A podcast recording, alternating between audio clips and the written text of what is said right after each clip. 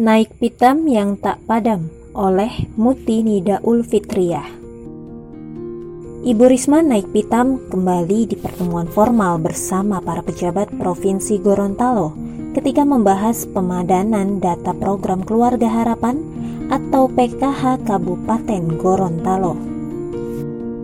Hal ini berbuntut panjang sampai pada pemecatan Hussein selaku Kepala Dinas Sosial Kabupaten Gorontalo oleh Bupati Gorontalo Nelson Pomalingo. Keputusan pemecatan sudah diperhitungkan dengan matang. Ada lima kesalahan yang dilakukan oleh Kandinsos, di antaranya koordinasi dan komunikasi yang kurang baik. Padahal pendamping PKH adalah ujung tombak dari dinas sosial. Sanggah sang gubernur, pemecatan tidak ada kaitannya lagi dengan kemarahan Mensos. Mudah naik pitam atau menjadi marah tampaknya sudah menjadi karakter khas Ibu Risma. Entah apa tujuannya, sang mensos membangun branding diri dengan sikap marah-marah tersebut. Kemarahan sang mensos di Gorontalo yang sempat viral di media sosial itu berhasil membuat Bupati Gorontalo prihatin. Ia tidak menyangka seorang menteri, bahkan seorang menteri sosial bertindak demikian. Menurutnya, Hal itu adalah contoh yang tidak baik. Marah-marah dalam Islam Memiliki perasaan marah adalah hal yang manusiawi, manifestasi dari goriza bako, atau naluri mempertahankan diri. Akan tetapi, sebagai makhluk yang telah Allah sempurnakan dengan akal, jangan sampai membebaskan perasaan atau emosional yang berkuasa atas diri. Ada akal yang harus tetap rasional, melakukan pertimbangan kapan harus marah dan kapan tidak perlu marah. Sebagaimana kita menghukumi perbuatan yang harus disesuaikan dengan syariat Islam, begitupun dengan sikap marah. Kita harus menempatkan marah yang mendatangkan keridoan Allah dan mana marah yang menjerumuskan pada dosa. Naik pitam sebab miskomunikasi di mana lawan komunikasi kita tidak mengerti cara pandang yang dijelaskan, apalagi jika meluapkan amarah sambil menunjuk-nunjuk hingga mempertaruhkan kehormatan orang lain adalah hal yang tidak dibenarkan oleh Islam. Marah dan berbagai emosi lainnya perlu dikelola dan diatur dengan pengaturan yang benar yang telah Allah Subhanahu wa taala tetapkan. Islam mewajibkan kita untuk menunjukkan kemarahan kepada penjajah dan antek-anteknya yang secara nyata melakukan pengekangan, perampasan, penindasan dan kezoliman atas umat ini.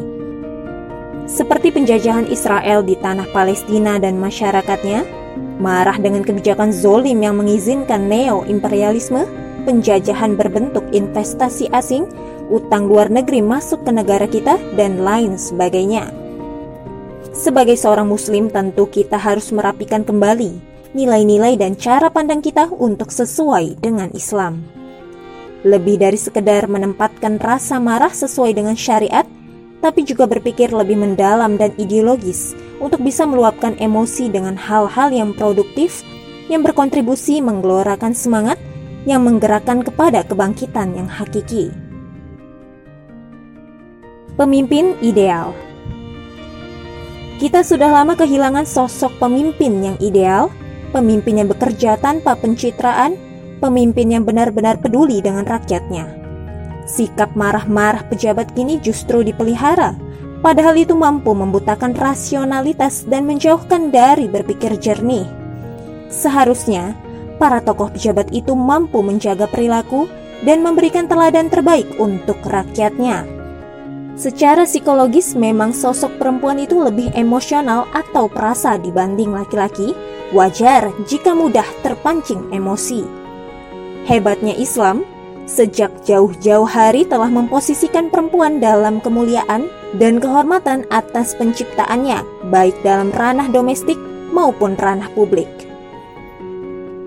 Islam mengharamkan perempuan menjabat sebagai pemimpin negara, Sebagaimana hadis yang diriwayatkan oleh Imam Al-Bukhari, tidak akan pernah berjaya suatu kaum yang menyerahkan urusan pemerintahan mereka kepada wanita.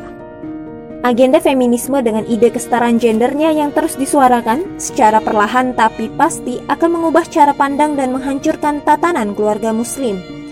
akhirnya menjadi niscaya bagi perempuan untuk menduduki jabatan-jabatan tinggi dalam sebuah negara, melampaui batasan-batasan yang telah ditetapkan syariat.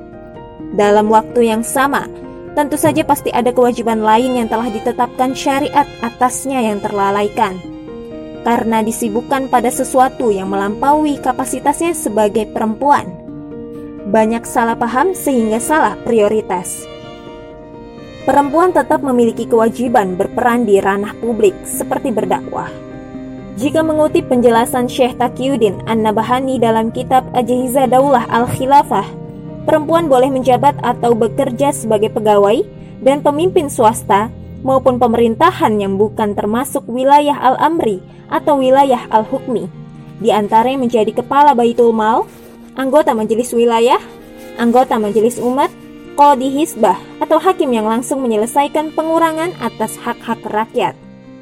Perempuan boleh juga menjabat sebagai kepala Departemen Kesehatan, Departemen Perindustrian, Departemen Perdagangan, Departemen Pendidikan, Rektor Perguruan Tinggi, Direktur Perusahaan, Kepala Rumah Sakit, dan lain-lain. Posisi yang tidak diperbolehkan di antaranya menjadi khalifah, muawin, gubernur, menjadi pemimpin para kodi, kodi mazolin atau hakim yang mempunyai kewajiban menghilangkan kezoliman. Kepemimpinan ideal itu terdiri dari dua hal.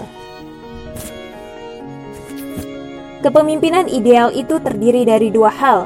Pertama, harus berdasarkan sistem bernegara yang ideal, sohi sesuai dengan fitrah manusia, yaitu harus dengan sistem Islam.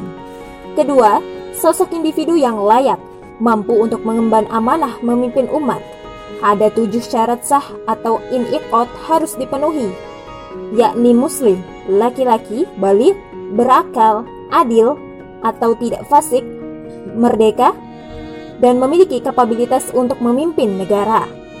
Syekhul Islam dalam kitab As-Siyasah Asyariyah menjelaskan, selayaknya untuk diketahui siapakah orang yang paling layak untuk posisi setiap jabatan, karena kepemimpinan yang ideal itu memiliki dua sifat dasar – kuat atau mampu, dan amanah. Terbukti, Indonesia sudah enam kali berganti kepala negara, akan tetapi kesejahteraan, keadilan, bahkan keberkahan semakin jauh panggang dari api. Maka, sebenarnya bukan dengan menunggu pergantian periode kepemimpinan demokrasi, akan tetapi kita harus berpikir untuk rekonstruksi sistem bernegaranya.